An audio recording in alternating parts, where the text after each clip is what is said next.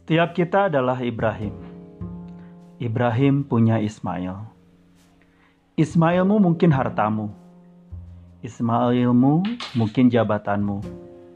Ismailmu mungkin gelarmu. Ismailmu mungkin egomu.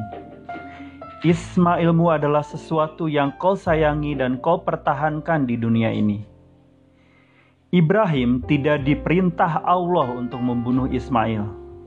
Ibrahim hanya diminta Allah untuk membunuh rasa kepemilikan terhadap Ismail karena hakikatnya semua adalah milik Allah. Idul Adha adalah tentang percaya dan ikhlas. Dua hal yang sungguh berat di bulan-bulan terakhir di tengah pandemi ini.